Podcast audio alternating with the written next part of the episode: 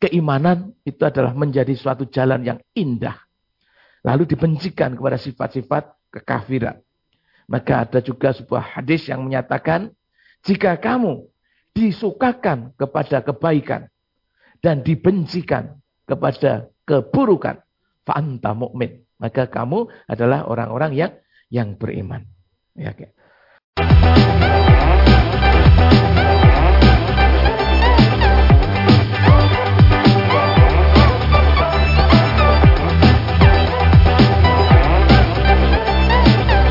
Bismillahirrahmanirrahim. Assalamualaikum warahmatullahi wabarakatuh. Saudaraku pemirsa MTA TV di mana pun Anda berada, puji syukur Alhamdulillah senantiasa kita panjatkan kehadirat Allah Subhanahu wa Ta'ala atas limpahan karunia nikmat dan juga rahmatnya sehingga pagi hari ini pemirsa kita bisa berjumpa kembali di acara spesial kita Fajar Hidayah. Pemirsa, di kesempatan pagi hari ini, mari kita maksimalkan waktu kita untuk mengawali aktivitas. Kita akan utamakan untuk menambah ilmu kita, utamanya ilmu agama. Di program Fajar Hidayah pagi hari ini, kita nanti akan dibimbing oleh beliau Ustadz Dr. Sri Mulyana, Magister Komputer.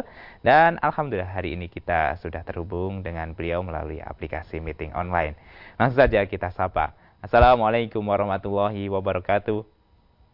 Waalaikumsalam warahmatullahi wabarakatuh. Kabar Ustadz, bagaimana hari ini?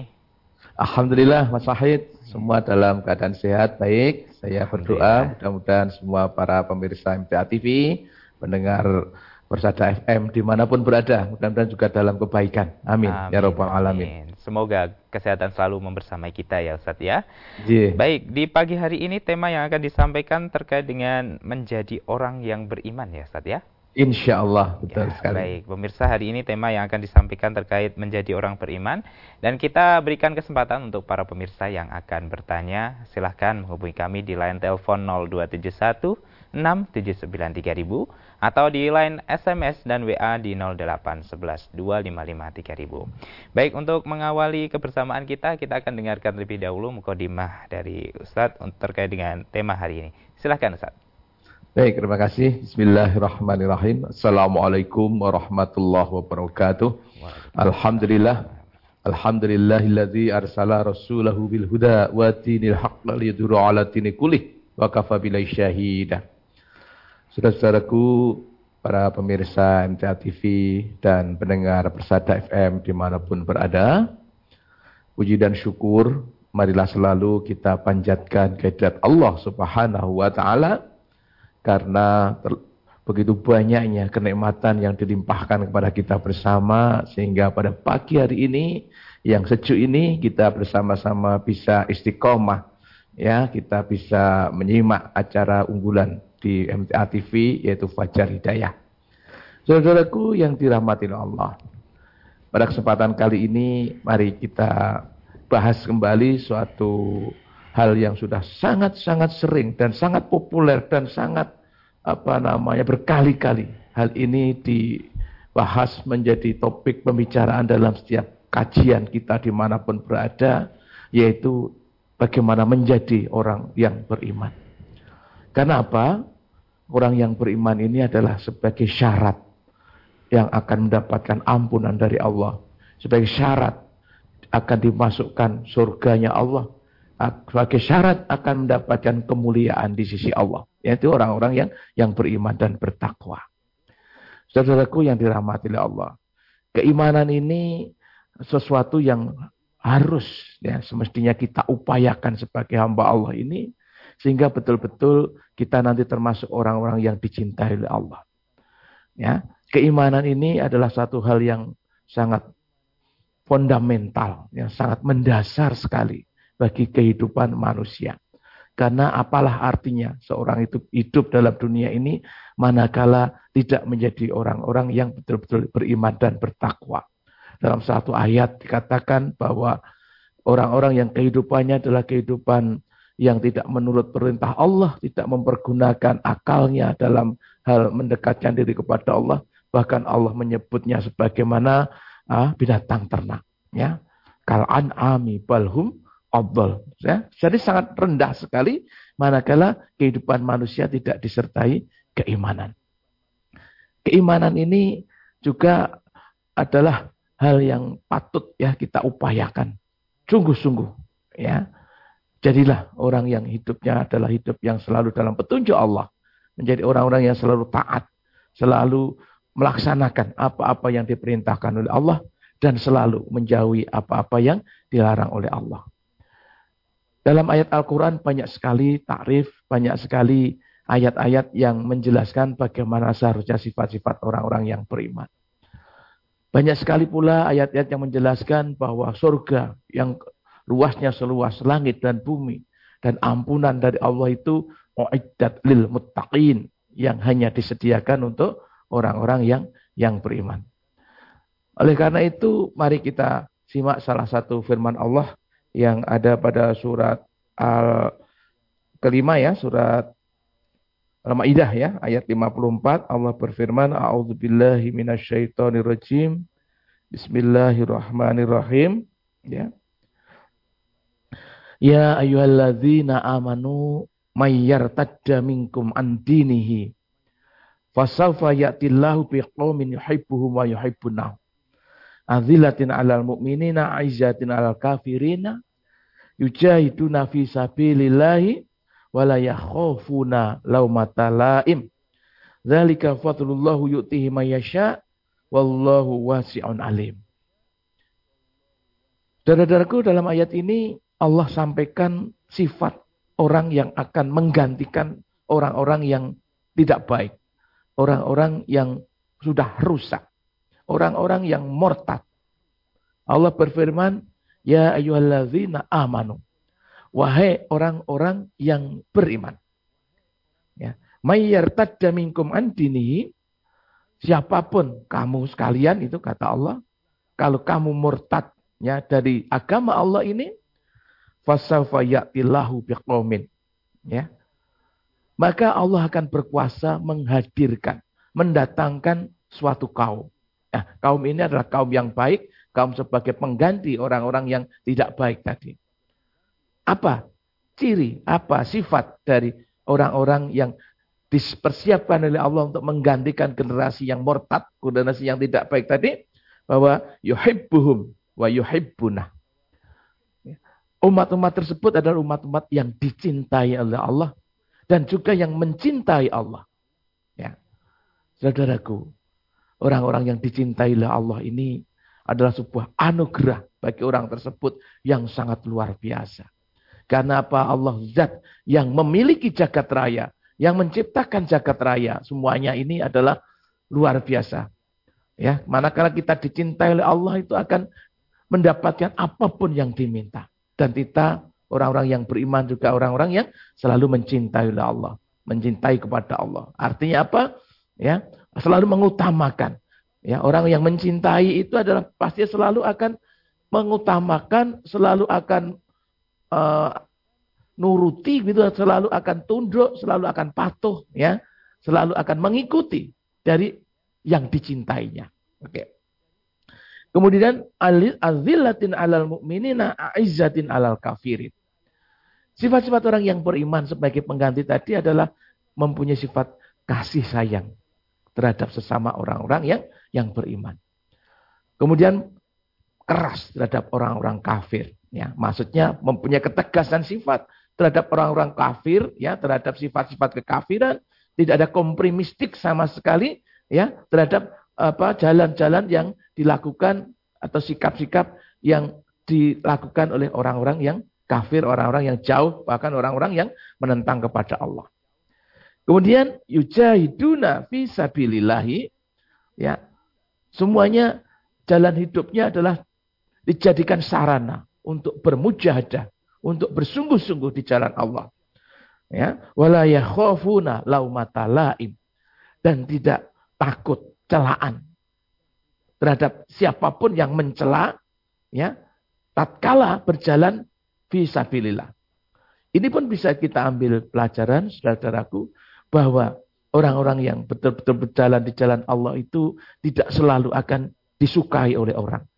Setan-setan pasti akan memusuhinya jalan-jalan yang menuju sabilillah. Karena jalan setan pasti adalah jalan-jalan yang akan menjauhkan diri dari jalan-jalan Allah tersebut. Ya. Oleh karena itu Allah sudah memberikan warning ya, Allah sudah memberikan suatu hal yang harus diperhatikan bahwa orang-orang yang beriman nanti akan menghadapi celaan-celaan, menghadapi halangan-halangan, menghadapi rintangan-rintangan. Maka orang-orang yang beriman adalah wala yakhafuna laumata laim dan tidak takut terhadap celaan bagi orang-orang yang mencela. Tentunya mencela tatkala menjalankan syariat Islam ini. Zalika fadlullah yutihi mayasya. Ya, itulah karunia Allah yang diberikan kepada orang-orang yang selalu dikehendaki oleh Allah. Wallahu wasi'un alim dan Allah adalah maha luas pemberiannya dan maha mengetahui. Saudaraku yang dirahmati oleh Allah. Ya, oleh karena itu marilah ini adalah suatu karunia. Mudah-mudahan kita semuanya adalah sebagai umat yang menggantikan. Umat pengganti. Ya. Yang memiliki sifat-sifat yang luar biasa tadi ya. Allah mencintai dan kita cinta kepada Allah. Kemudian saling kasih sayang. Dan mempunyai ketegasan sifat terhadap sifat-sifat orang-orang kafir. Kemudian apa namanya berjihad di jalan Allah dan tidak takut celaan orang-orang yang mencela kepada mereka. Saudara-saudaraku yang dirahmati oleh Allah, ya. Tentang bagaimana harus ketegasan sifat ini pun Allah juga firmankan nanti dapat dibuka dalam surat ya ke-48 ya, ayat 29 ya jadilah ya. Yang yang sana dikatakan bahwa orang-orang yang beriman itu mempunyai sifat asyida'u alal kufar ruhama'u bainahum ya. Jadi mempunyai sifat tegas ya, tidak ada kompromistik dengan jalan-jalan kekafiran dan saling kasih sayang kepada orang-orang yang beriman. Ya. Sedangkan orang-orang yang beriman ini, saudara-saudaraku yang dirahmati oleh Allah, dia juga harus memiliki sifat ya, harus mengikuti ya jalan-jalan Rasulullah ya. Dalam surat ke-49 kita baca ya surat 49 ayat Al-Hujurat ayat yang ketujuh di sana Allah firmankan ya. A'udzu billahi minasyaitonir rajim. Wa'lamu anna fikum Rasulullah. Lau yuti'ukum fi katsirin minal amri la'anittum. Walakinallaha habbaba ilaikumul imana. Wa yazzanahu fi qulubikum wa karraha ilaikumul kufra wal fusuqa wal isyan. Ulaika humur rasyidun. Ya. Ketahuilah bahwa di tengah-tengah kamu ada Rasulullah.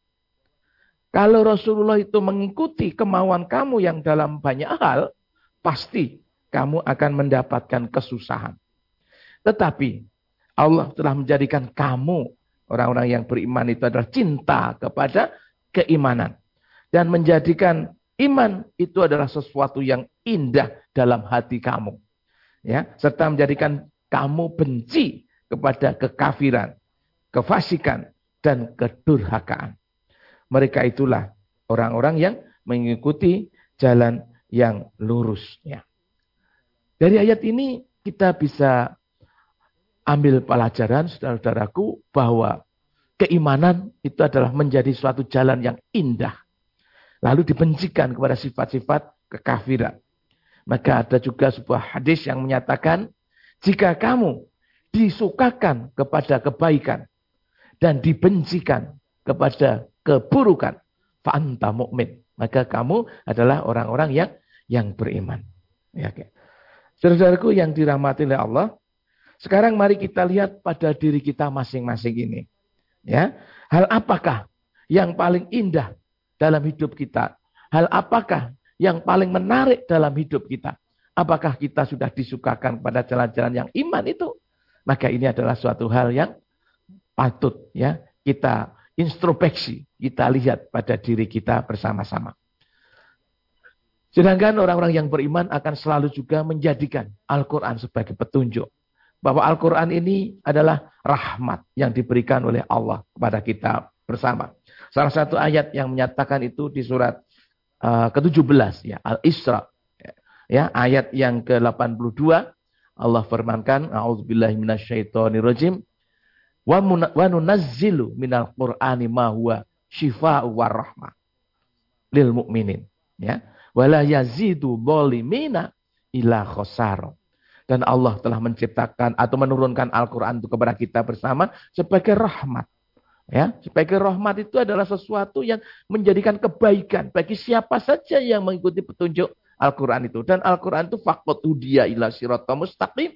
Ya, sebagai akan menunjukkan kepada jalan yang lurus dan hudal lil mutakin ya sebagai petunjuk bagi orang-orang yang beriman. Oleh karena itu untuk menjadi orang-orang yang beriman pastinya tidak bisa dilepaskan ya dengan petunjuk yang harus diikuti oleh orang-orang yang beriman. Akan menjadi dia orang yang beriman itu dengan petunjuk-petunjuk Al-Qur'an. Dan Al-Qur'an sebagai syifa sebagai obat. Obat apa? Obat penawar. Hati-hati yang gundah gelisah hati-hati yang sakit sakit hati itu antara lain adalah sakit karena kikir karena dengki ya karena apa hal-hal yang bakhil dan seterusnya itu ya itu dapat disembuhkan dengan mengikuti petunjuk-petunjuk Al-Quran ini. Ya. Dan Al-Quran tidak akan menambah kecuali orang-orang kepada orang-orang kafir kecuali kerugian. Ya. Kemudian saudara-saudaraku yang dirahmati oleh Allah. Kalau kita menjadi orang-orang yang beriman, lalu apa yang kita peroleh? Banyak sekali Allah ayat-ayat Allah yang menjelaskan bagaimana ya perolehan bagi orang-orang yang beriman. Ya, yang jelas orang-orang yang beriman tadi saya sebutkan di awal adalah sebagai syarat orang untuk mendapatkan al-jannah surganya Allah. Salah satu ayat mengatakan, A'udzubillahi minasyaitonirrajim wa amanu wa amilus solihati annalahum jannah. Ya. Annalahum jannatin tajri min tahtihal anhar. Ya, surat Al-Baqarah ayat 25. Berilah berita gembira kepada orang-orang yang beriman bahwa bagi mereka orang-orang yang beriman dan tentunya melaksanakan amal-amal soleh itu adalah akan mendapatkan surga. Surga yang mengalir di bawahnya sungai-sungai. Ya. Kullama ruziqu minha min samaratin rizqan qalu hadzalazi ruziqna min qablu wa utubihi mutasyabiyah. Ya, kalau dia menembe, apa dia diberi rezeki. Rezeki dari buah-buahan. Rezeki yang sudah dikenalinya, rezeki yang tidak mengkhawatirkan rezeki yang sangat menyenangkan.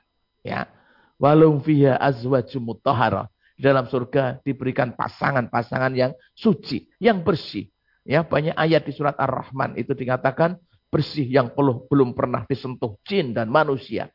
Ya, bersih yang terjaga ya di tempat yang sangat terhormat ya bak burung onta ya yang suci bersih semuanya itu disediakan khusus bagi orang-orang yang beriman dan hum fiha kholidun. Dan mereka juga kekal selama-lamanya di dalam surga itu. Ya. Yang lebih mendasar lagi, saudara-saudaraku yang dirahmati Allah, dalam satu firman Allah ya di surat uh, 41 ya, Fusilat ya, ayat 30 dan 31 di sini Allah firmankan ya. Kita baca ya. A'udzubillahi minasyaitonirrajim. Ini juga ciri-ciri orang yang beriman. Innalladzina qalu rabbunallah summastaqamu. Tatanazzalu alaihimul malaikatu alla takhafu wa la tahzanu wa absiru bil jannati allati kuntum tu'adun. Ya. Sesungguhnya orang-orang yang mengatakan Tuhan kami adalah Allah. Kemudian mereka beristiqomah, meneguhkan pendiriannya, ya, bertuhan kepada Allah itu dipertahankan sampai akhirnya gitu. Wala tamutuna ila wa antum mukminun ya. Tidak mati kecuali mati dalam keadaan orang menjadi orang-orang yang beriman. Maka malaikat akan silih berganti turun kepada orang-orang yang beriman tersebut sambil membisikkan mengatakan Allah takhofu wala tahyanu wahai saudara janganlah kamu takut janganlah kamu sedih wabshiru bil jannati lati kuntum tu'adun dan Gembirakanlah hatimu. Karena Allah telah menyediakan surga bagi kamu sekalian. Ya. Surga yang bagaimana? Nahnu awliya'ukum fil hayati dunya wa fil akhirah. Walakum fiha ma tastahi anfusukum walakum fiha ma tadda'un. Begini firman Allah. Allah lah pelindung-pelindung ya, pelindung-pelindung seluruh manusia ini dalam kehidupan baik di dunia maupun di akhirat. Ya, bagi orang-orang yang beriman akan disediakan di dalamnya nanti di surga dan memperoleh apa yang diinginkan dan apa yang diminta. Ya, apa yang diinginkan dan apa yang diminta adalah akan diperoleh bagi orang-orang yang beriman dan mendapatkan surga Allah. Ya, tentunya janji-janji Allah tadi sudah sangat banyak sekali tentang gambaran surga itu ya. Ya, kalau bagi yang tertarik dengan kehidupan keindahan itu surga dalam banyak ayat juga dinyatakan sebagai tempat-tempat yang sangat indah. Di sana ada permadani, permadani yang berwarna hijau, yang ter, ada dipan-dipan, ada nampan-nampan, ada gelas-gelas ya yang terbuat dari emas, perak, berlian yang luar biasa. Ya, itu adalah kesudahan. Hal yang dapat diperoleh, hal yang akan didapatkan oleh orang-orang yang betul-betul beriman kepada Allah. Dan Rasulnya tentunya, dan membuktikan keimanannya itu dalam kehidupan sehari-hari. Saudaraku yang dirahmati oleh Allah. Ketetapan Allah itu sudah pasti benarnya. Maka bagi kap yang benar bagi kita, jangan cuma bisa membayangkan betapa nikmatnya kehidupan di sorga nanti. Yang paling penting bagi kita adalah bagaimana kita berupaya agar kita bisa memenuhi dengan mengumpulkan amal-amal soleh yang sangat banyak gitu ya. Dengan selalu tunduk dan taat mengikuti petunjuk Allah dan selalu juga taat untuk menjauhi apa yang dilarang oleh Allah dalam kehidupan sehari-hari dan kita jaga terus-menerus sampai akhir hayat kita sehingga kita bisa masuk surga. Ya, itu yang paling penting. Karena untuk bisa mendapatkan dan bisa merasakan itu syaratnya harus bisa masuk surga dulu gitu ya. Oleh karena itu mari betul-betul dalam kehidupan ini kita selalu berupaya dengan sungguh-sungguh ya mengamalkan apa yang kita kaji dari Al-Qur'an maupun As-Sunnah dalam kehidupan kita sehari-hari ini. Dan semaksimalnya kita jaga sehingga sampai akhir hayat kita adalah kita termasuk orang-orang yang beriman tadi yang oleh Allah sudah sangat luar biasa. Allah akan mencintai mereka ya luar biasa mendapat kecintaan Allah itu sudah sangat sempurna kehidupan seseorang ya karena orang yang dicintai oleh Allah Allah menjanjikan ya akan diberikan apa yang diingini dan apa yang diminta ya tadi surat Fusilat ayat 31 tadi. Sekali lagi, saudara-saudaraku, di mana pun berada. Oleh karena itu marilah kita betul-betul kembangkan diri kita untuk selalu belajar, belajar, mengkaji, memahami betul ya pedoman hidup kita dan kita amalkan, kita pedomani betul dalam kehidupan sehari-hari ini dan ini harus kita upayakan sungguh-sungguh. Kita hadapi segala rintangan dalam bentuk apa pun. Ya, termasuk bentuk-bentuk celaan ke orang-orang yang mencela kepada orang-orang yang betul-betul dengan teguh hati melaksanakan perintah Allah ini ya sama sekali orang yang beriman tidak ada ketakutan, kekhawatiran ya, tidak yeah. takut orang-orang yang mencela kalaupun dicela ya dalam rangka mengamalkan dinullah Islam, dalam rangka mengamalkan amalan-amalan yang betul-betul didawuhkan oleh Allah dalam Al-Qur'an maupun dalam sunnah-sunnah Rasulullah Sallallahu Alaihi Wasallam. Kita upayakan bahwa kita ngaji di mana pun berada ini adalah satu usaha dalam rangka mendidik, menjadikan diri kita itu menuju menjadi orang-orang yang memiliki sifat-sifat orang yang beriman sebagaimana yang ditegaskan dalam Al-Quran tadi.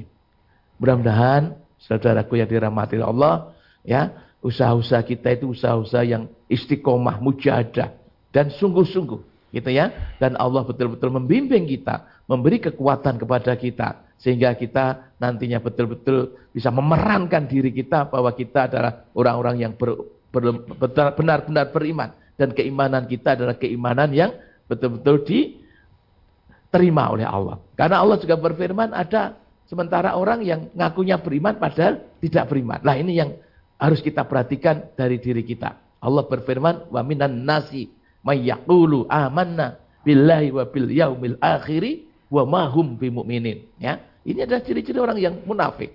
Ya, sebagian manusia ada yang mengatakan kami beriman, padahal dia tidak beriman. Maka mudah-mudahan mari kita teliti dengan seteliti-telitinya jalan-jalan iman yang ada pada diri kita. Jangan sampai kecampuran keinginan, pengharapan yang bukan karena Allah. Amin, amin, ya Rabbal Alamin. Mudah-mudahan Allah membimbing kita dan memberi kekuatan kita untuk selalu berada pada jalan iman. Maka dan Mas Wahid yang Ya. dapat disampaikan mukadimah pada pagi hari ini. Terima kasih Ustadz. Semoga ini tadi ilmunya semakin bisa kita amalkan dan utamanya menjadi orang yang beriman. Karena keuntungan menjadi orang beriman tadi insya Allah dicintai oleh Allah dan apa pun keinginan kita pasti akan dikabulkan ya Ustadz ya. Baik pemirsa setelah ini nanti kita akan bacakan pertanyaan para pemirsa yang sudah masuk melalui pesan WhatsApp dan SMS di 08112553000 atau nanti para pemirsa bisa bertanya secara langsung melalui line telepon di 02716793000. Jadi pastikan para pemirsa tetap bersama kami dalam program Fajar Hidayah. Saudaraku pemirsa MTA TV di mana pun Anda berada, terima kasih Anda masih bersama kami dalam program Fajar Hidayah. Di pagi hari ini kita masih bersama dengan beliau Ustadz Dr. Sri Mulyana Magister Komputer, serta masih mempersilahkan untuk para pemirsa yang akan bertanya secara langsung melalui line telepon 02716793000 atau di line SMS dan WA di 08112553000. Baik Ustadz, untuk mengawali pertanyaan yang akan kita bacakan, kita buka di pesan WhatsApp ya. Ada pertanyaan dari Pak Alan di Karawang. Mau tanya soal sholat sunnah intidor, itu dikerjakan sesudah sholat sunnah atahiyatul masjid, apakah sesudah azan pertama Ustaz? Mohon keterangannya. Dan ini ada pertanyaan yang semisal juga Ustaz dari Pak Supriyono di Batang bahwa kalau tidak salah saya pernah dengar di acara MTA masalah sholat khobliyah Jumat tidak ada. Tetapi segolongan orang menjalankan khobliyah Jumat. Pertanyaan, ini apakah ada dasarnya tetapi lemah ataukah memang benar-benar tidak ada dasarnya Ustaz? Silahkan Ustaz. Dan Pak Supriya Su, Su, Pak Suparya dari tadi Batak Supriyono di Batang. Supriyono Batang ya. Oke, Iya. baik. Jadi terkait dengan sholat qobliyah Jum'ah, memang yang menyatakan secara soheh dan soreh bahwa ini adalah dikerjakan sebagai qobliyah Jum'ah itu belum pernah kami dapati dalam kitab-kitab hadis yang pernah kami pelajari begitu ya. Soreh dan sol, soheh maksudnya seperti ketika sebelum subuh itu dijelaskan ada dua rakaat lebih baik dari dunia seisinya. Sesudah zuhur itu yang muakadah ada dua rakaat sesudah dua rakaat sebelum ada yang sampai empat rakaat sesudah empat rakaat sebelum. Itu kan secara jelas lah. Secara sholat Jumat itu sebelum Jumat mengerjakan begini itu belum kelah kami dapati yang mengaitkan langsung. Tapi mengerjakan sholat sebelum berdirinya sholat Jumat itu boleh enggak? Ada riwayat yang lain yang tadi ditanyakan oleh Pak Alan tadi namanya sholat intizor gitu ya. Itu sholat yang dikerjakan sejak apa nama masuk masjid itu sampai nanti imam menjadi apa khotib naik mimbar gitu itu sholat mau sholat seterus dan sebagainya itu adalah pernah di, di apa dari sebuah hadis yang menerangkan semacam itu adalah boleh gitu ya oleh karena itu monggo saja lah yang mau melaksanakan sholat itu apa ingat pada Allah ya sebelum sholat Jumat mau dinamakan apa ya yang yang jelas tadi ada sholat intizar tadi ya itu adalah dituntunkan. Nah pelaksanaannya apa? Ya pelaksanaannya pokoknya ketika mau uh, masuk masjid tentunya mas, mau masuk uh, masuk masjid itu sebelum duduk diperintahkan oleh Rasulullah dalam sebuah hadis itu untuk mengerjakan dua rakaat sholat itu yang kita kenal dengan sholat tahiyatul masjid. Nah setelah itu monggo bisa dikerjakan itu ya intizar ini sampai nanti khotib naik mimbar gitu ya. Nah itu setelah azan pertama atau azan kedua. Nah tentang azan ini memang ada juga pendapat yang berbeda. Ada yang melaksanakan azan pertama, lalu baru sholat itu. Ada yang tanpa azan yang pertama. Ya, sudahlah. Dalam pelaksanaan hal yang semacam ini, mari kita saling menghormati, kita saling menghargai apa pun yang diyakininya. Yang jelas ketika kita melaksanakan ibadah itu, kita harus ya, yakin, kita harus uh, memiliki dalil dasar yang mendasari ibadah yang kita kerjakan. Itu prinsipnya seperti itu. Karena al dalam usul fikih dikatakan bahwa al-aslu fil ibadah al-ittiba. Asal muasal dari ibadah itu hanya mengikuti. Mengikuti siapa? Mengikuti ya dari petunjuk ibadah itu dari Al-Qur'an ya Allah maupun dari as-sunnah Rasul yang dituntunkan dari Rasulullah Shallallahu alaihi wasallam ya. Jadi tentang salat qobliyah Jum'ah yang menyatakan secara sahih bahwa setiap sholat Jum'ah ada qobliyahnya itu kami belum pernah mendapat itu. Tapi ketika mau melaksanakan sholat uh, sebelum sholat Jumat. Ada hadis lain yang menyatakan ya tadi yang disebut sebagai sholat intihar tadi. Okay. Yeah, baik. Gitu, Mas Fakir. Yeah, baik. Semoga bisa dipahami ya untuk Bapak Ahlan di Karawang dan Pak Supriyono di Batang. Kita beralih ke line telepon, Ustaz. Ada penelpon di 02716793000. Kita terima. Halo, Assalamualaikum. Waalaikumsalam. Dengan siapa dan dari mana ini? Waalaikumsalam. Pak Tunggal, Mas. Ya, Pak Tunggal, silahkan pertanyaannya. Eh, gini Ustaz, kemarin tuh saya mendengarkan Ustadz lain, nanti di radio lain itu kok eh, itu di surga itu katanya yang membaca Al-Quran yang mandu Allah langsung gitu. Sepa, yang membaca Al-Quran bagaimana Pak? Surga itu nggak ada eh, syariat apa pun gitu.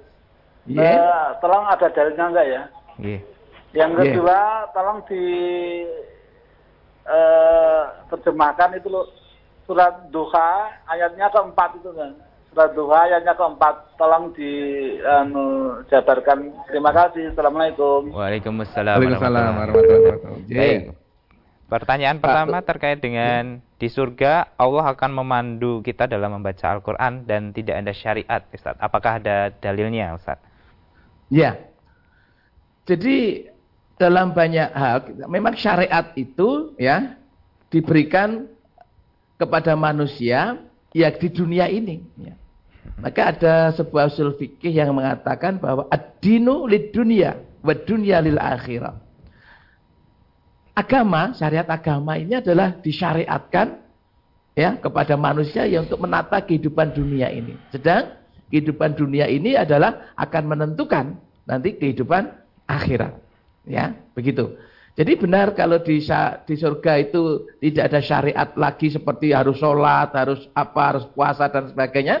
Maka tidak tidak ya kami belum juga pernah menjumpai bahwa ada yang seperti itu. Karena kewajiban-kewajiban syariat itu memang harus dikerjakan manusia ketika hidup di dunia ini gitu ya. Nah, di alam akhirat manusia tinggal mendapatkan apa namanya hasil dari perbuatan yang dikerjakan selama di dunia ini, ya. Kalau dia mendapatkan apa mengamalkan suatu kebaikan apa pun pasti tidak akan dizalimi, tidak akan disia-siakan, pasti akan mendapatkan balasan dari setiap apa yang diperbuat gitu ya. Iya. Oleh karena itu apa namanya kalau tentang di surga membaca Al-Quran yang membimbing langsung Allah, saya belum pernah mendapatkan dalil semacam itu. Ya, yang jelas kalau di surga itu adalah manusia yang masuk surga tinggal menikmati apa hasil yang dikerjakan di dunia ini ya sebagai kenikmatan yang luar biasa itu adalah yang diberikan oleh Allah dan dijanjikan oleh Allah dan betul-betul pasti akan ditunaikan oleh Allah ya kepada orang-orang yang masuk surga. Masalah tadi yang penting bagi kita ya untuk kita dapat menikmati itu semuanya kita harus bisa masuk surga itu. Dan masuk surga adalah jalannya dengan iman dan beramal soleh. Yeah. Kemudian yang terkait surat duha ya kita baca surat duha dulu surat duha itu surat yang 93. apa namanya 93 ini ya ayat 4 tadi yang ditanyakan ya ayat 4 yeah. itu menyatakan ya dan sungguh yang kemudian itu lebih baik daripada permulaan oke okay? ini uh, menyatakan seperti itu ya dan sungguh kelak kamu pasti mendapatkan karunia nya kepadamu sehingga engkau pasti puas. Ya. Jadi ini kaitannya dengan apa namanya ya, ya nanti suatu saat ya barangkali kita bisa bisa baca tafsirnya dari surat Tuha ini ya, ya. bahwa yang sesungguhnya di sini disebutkan yang kemudian itu lebih baik daripada yang permulaan. Oke. Okay. Ya mungkin Pak Tunggal ini uh, bisa bisa disampaikan ada kesempatan yang lain ya kita saya kalau saya harus membaca dulu tafsir-tafsir yang kaitannya dengan duha ini gitu ya. Yeah. Yang jelas apa yang ada dalam surat duha ini adalah juga bagian dari ayat Al-Qur'an yang pasti harus harus apa namanya kita apa yakini dan kita pelajari. Ya, sekilas apa yang pernah saya ingat dari pelajaran ini adalah bahwa kehidupan-kehidupan akhirat nanti itu adalah lebih menjanjikan dari kehidupan-kehidupan apa yang kita rasakan di dunia. Kenikmatan apa pun yang kita dirasakan di dunia ini tidak ada apa-apanya dibandingkan dengan kenikmatan-kenikmatan yang dijanjikan oleh Allah dalam kehidupan akhirat kelak. Oleh karena itu bagi manusia ini kita semua ini hendaklah ya men, canangkan, menancapkan tujuan dari hidup itu adalah untuk hari kemudian. Ya, bukan hanya kenikmatan yang sekarang ini saja. Itulah. Itu sekilas yang pernah saya dapatkan adalah seperti itu. Wallahu alam bisawab. Ya, ya mudah-mudahan nanti lain kali bisa kita bahas lebih dalam lagi uh, tafsir yang ter atau yang lebih tepat ya Pak Tunggal bisa menanyakan dalam acara-acara tafsir yang diasuh oleh salah satu ustadz di MTA itu ya nanti akan lebih tepat. Ya. ya. Baik. Mas Makit. Baik, terima kasih Ustadz untuk penjelasannya dan semoga bisa dipahami ya untuk Pak Tunggal di Klaten. Kita terima kembali Ustadz penelpon di pagi hari ini. Halo, Assalamualaikum. Waalaikumsalam warahmatullahi wabarakatuh. Dengan siapa dan dari mana ini? Iya. Saya Sarono Pak dari Wonogiri. Ya, silahkan Pak Sarono pertanyaannya. Iya. Saya bertanya Pak, kalau saya sedang sholat, lalu ke kami bersin. Waeng bersin. Yeah. itu apa? Boleh berdoa bersinnya itu pak. Oke. Okay.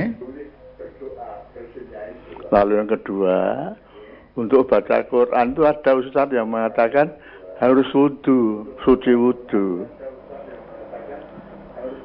tapi ada yang mengatakan tidak perlu wudhu Bagaimana Pak itu minta penjelasannya.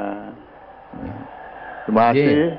Assalamualaikum warahmatullahi wabarakatuh. Waalaikumsalam. Waalaikumsalam warahmatullahi wabarakatuh. Silahkan. J.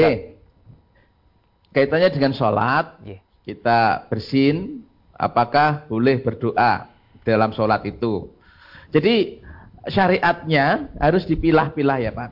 Sholat itu adalah suatu kegiatan yang diawali dengan takbiratul ikram dan nanti diakhiri dengan salam dengan selalu apa memperhatikan dan melaksanakan rukun-rukun dan dan rukun-rukun sholatnya itu ya gerakan-gerakannya bacaan-bacaannya. Maka yang ketika sholat yang dibaca ya bacaan-bacaan sholat itu gitu ya.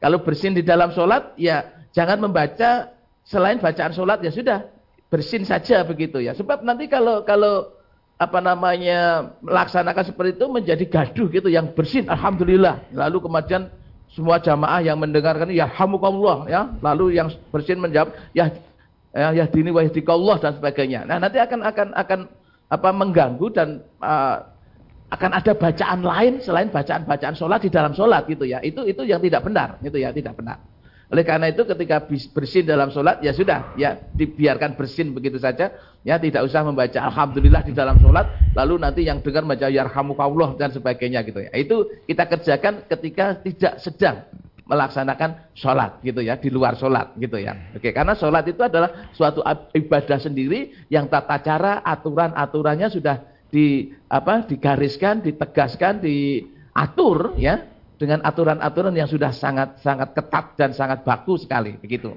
Yeah. Kemudian yang kedua, apakah ketika membaca Quran itu harus berwudu gitu ya? Ya, perintah yang mengharuskan bahkan mewajibkan bahwa sebelum sholat harus berwudu itu belum uh, kami belum pernah mendapati, belum pernah mendapat dalil yang seperti itu. Hanya saja ada sebagian sebagian apa namanya umat Islam ini ya yang berpendapat harus seperti itu berdasarkan ayat Al-Qur'an ya. Auzubillahi minasyaitonirrajim la yamassuhu ilal mutahharun gitu ya.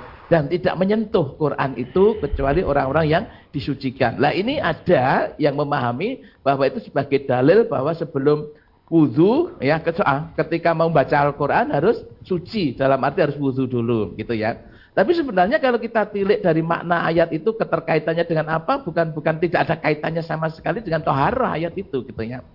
Ya, artinya ayat itu dalam pengertian yang lebih luas lagi bahwa pelajaran atau apa saja Al-Qur'an. Al-Qur'an itu hakikatnya kan kewahyuannya, kewahyuan dari Al-Qur'an itu. Kalau yang kita sentuh itu adalah mushaf tulisan yang kitab itu menulis wahyu-wahyu Allah ya. Jadi ada ghaibiyah tentang kewahyuan itu adalah hakikatnya yang pelajaran bagi bagi hidup kita Bapak ya. Oleh karena itu pelajaran Al-Qur'an itu Al-Qur'an itu tidak akan pernah bisa diterima oleh orang-orang yang hatinya tidak hati yang bersih.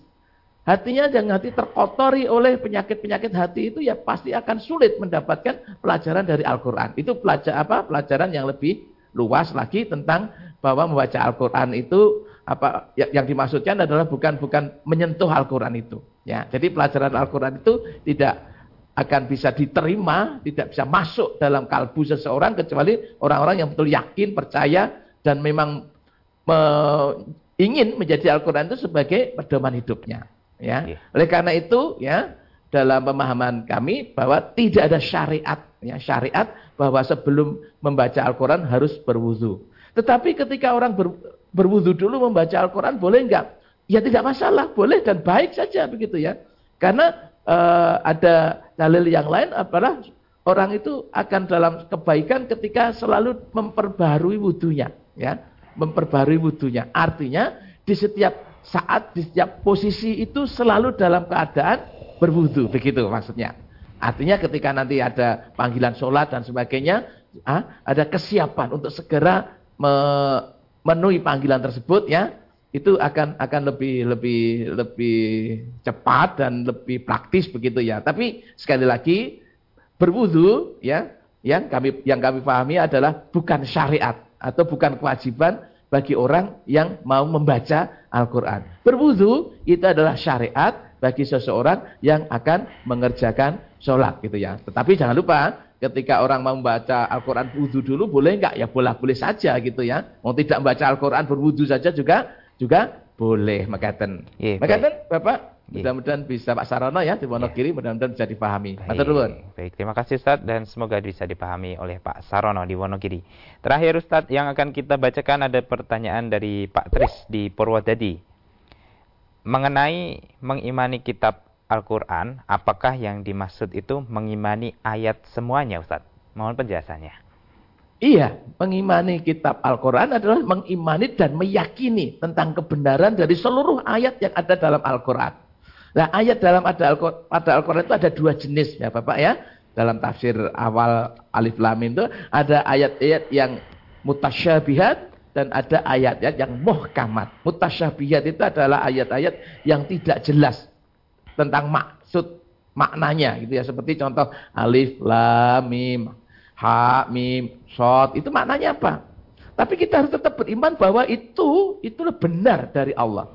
Ya, tentang manfaat apa yang kita bisa ambil, ya kita kembalikan pada diri kita sendiri. Sebagaimana orang-orang kelompok kholaf ya, dari generasi sahabat, para tabiin, tabiin, tabiin, itu meyakini Allahu a'lamu bimuradi. Allah yang maha mengerti tentang hakikat maknanya. Tapi ayat itu pasti ada manfaatnya bagi kehidupan kita bersama gitu ya. Termasuk yang kedua adalah ayat-ayat yang muhkamat, ayat-ayat yang sudah jelas ya, nyata ya, terang gitu ya maknanya. Maka ketika bukti keimanan kita kepada Al-Qur'an, ya kita betul-betul bersikap, kita berperilaku, kita apa namanya? selalu melaksanakan ajaran-ajaran Al-Qur'an itu dalam kehidupan sehari-hari. Misalnya banyak sekali ayat yang di surat Al-Hujurat itu mengatur, wahai orang-orang yang beriman, janganlah suatu kaum itu mengolok-olok kaum yang lain. Karena boleh jadi yang diolok-olok itu lebih baik daripada yang mengolok-olok. Oleh karena itu harus contoh mengimani semacam ini harus menjadi sikap hidup kita. Jangan sampai hidup kita itu saling berolok-olok gitu ya. Lah, yang terjadi saat ini yang ngakunya juga orang yang beriman, orang Islam saling olok-olok ya. Terutama ketika kita ikuti di media sosial itu ada suatu kelompok ini bahkan sesama muslim bahkan para asatid bahkan gitu ya. Oleh karena itu tidak pada tempatnya bahwa kita saling mengolok-olok satu dengan yang lain. Kalaupun kita dalam pengamalannya nanti adalah memiliki perbedaan maka perbedaan itu adalah jangan sampai menjadikan perpecahan ya. Perbedaan itu hendaklah disikapi sebagai bentuk yang saling hormat menghormati satu dengan yang lain. Karena apa? Hakikatnya kita melakukan sesuatu ini yang kita harapkan adalah mencari ridho Allah, bukan mencari penilaian dari manusia gitu ya.